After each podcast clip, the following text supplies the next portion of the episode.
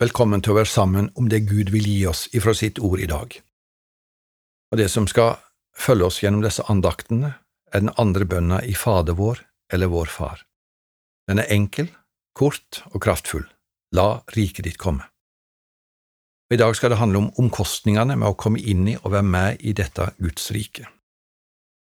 Hvis du vil ha det enkelt, lett og uten smerte, så må du i alle fall ikke bli med i Guds rike. Jesus viste at det koster å være med i dette riket, og han sa det til alle som kom i fyr med han. Jeg får av og til telefon om et produkt, et tilbud, og jeg kan jo forstå de som vil selge meg noe gjennom telefonen, men de vil helst ikke presentere utgiftene først. Og produktet er jo så fantastisk, og det er nesten helt gratis. Men så kommer det som ikke er sagt, en pris eller en faktura i posten, eller et medlemskap som nesten er umulig å bli kvitt på nettet. Og slik fungerer det for mange, å bli hekta på noe som de ikke visste hadde omkostninger. I apostelgjerningen kapittel 9 så kan vi lese om Saulus som var en ivrig motstander av den nye sekta Jesus, av Guds rike.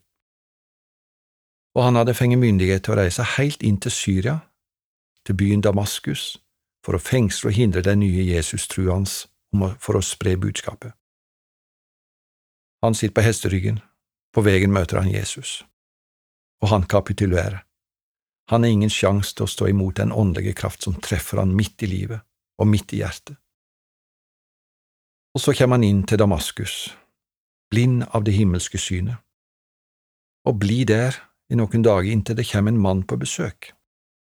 Den mannen han har vært ganske redd og nølende, men han blir overbevist av et syn om at han må gå for så står det at denne mannen Ananias hadde fått et syn, og han får beskjed om å gå til Saulus, gå, for jeg har utvalgt ham som mitt redskap til å bære mitt navn framfor hedningefolk og konger og for Israels folk, og jeg skal vise ham alt han må lide for mitt navns skyld.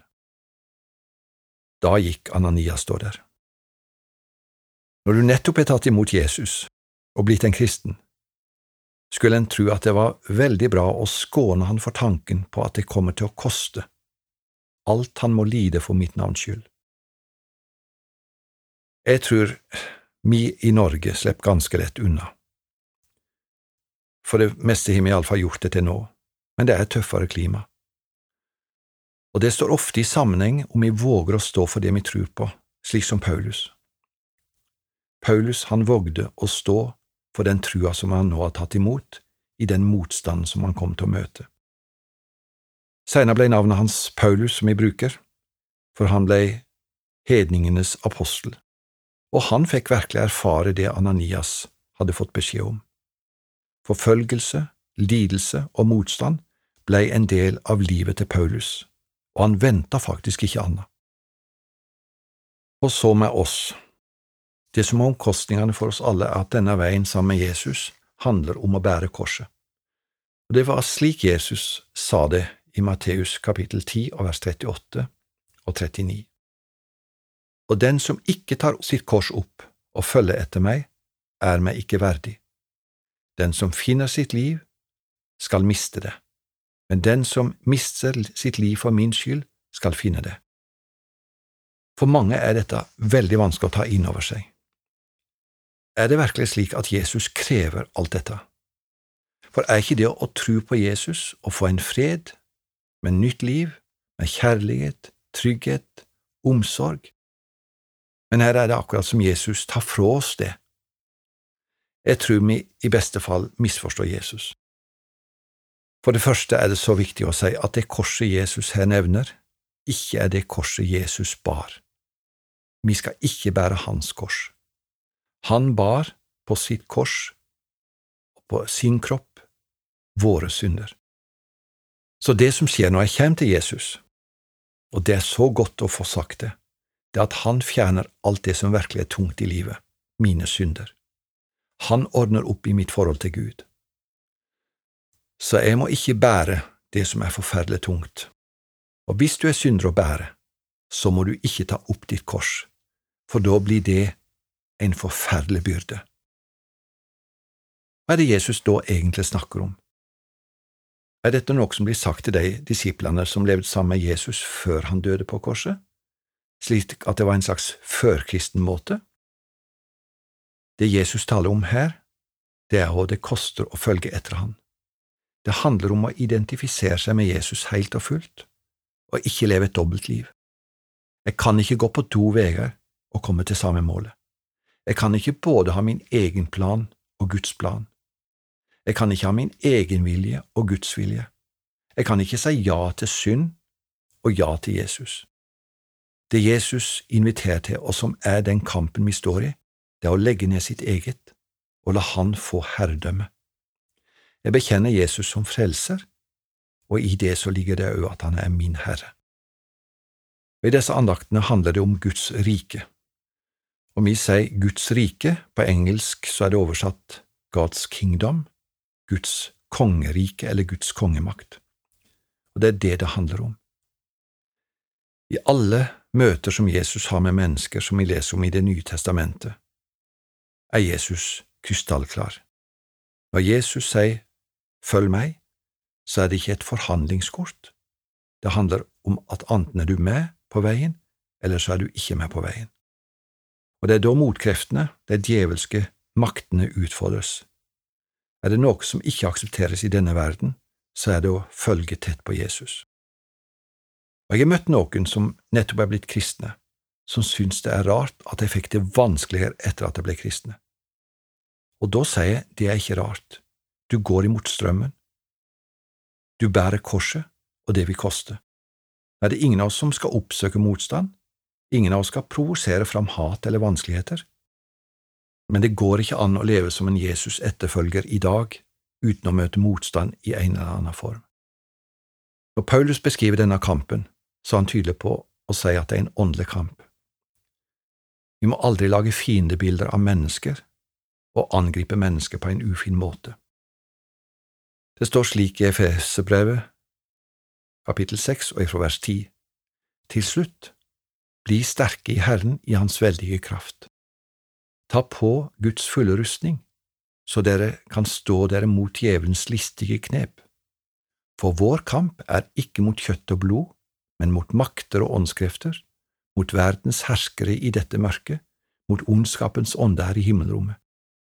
Ta derfor på Guds fulle rustning, så dere kan gjøre motstand på den onde dag og bli stående etter å ha overvunnet alt. Stå da fast, spenn sannhetens belte rundt livet, og kle dere i rettferdighetens brynje. Stå klar med fredens evangelium som sko på føttene. Hold alltid troens skjold høyt.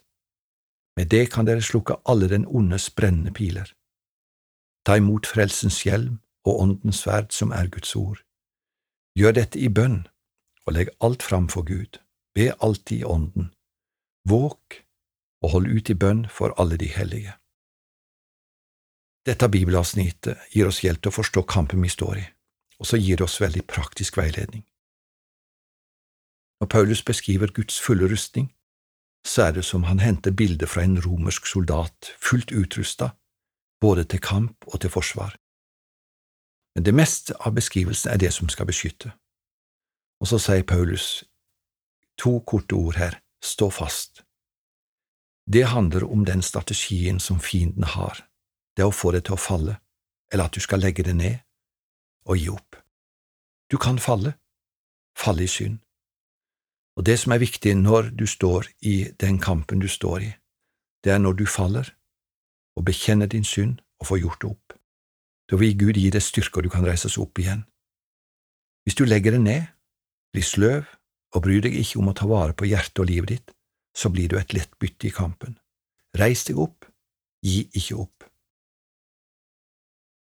For flere år siden så hadde jeg en begravelse til en person, og det var et uttrykk som ble gjengitt i den begravelsen som jeg husker veldig godt, som vedkommende hadde brukt. Det går mot seier. Ja, det er seiersgang på veien og seierssang slik som vi sang på ungdomskveldene hjemme i Treungen når jeg vokste opp. Vi har herlig seier, vi har herlig seier, seier i Jesu navn. Alle onde makter viker i Jesu navn. Hvem kan Jesu makt forstå? Og Hans nåde likeså, seier i Jesu navn. La oss be. Takk for at du lærte oss å be La riket ditt komme. Og i dag ber jeg om at ingen må gi opp, men er villig til å ta omkostningene med å gå sammen med deg, Jesus. Og i dag ber jeg òg for alle som blir forfulgt for ditt navns skyld. Kom og vær nær hos deg med din trøst, med din fred, og la deg merke at det er noen som husker på deg og ber for deg. Ta imot velsignelsen. Herren velsigne deg og bevare deg. Herren la sitt ansikt lyse over deg og være nådig. Herren løfte sitt ansikt mot deg og gi deg sin fred. Amen. Du har nå hørt en andakt i serien Over en åpen bibel. Og dagens andaktsholder, det var Arvid Hunemo. Serien den produseres av Norea Mediemisjon.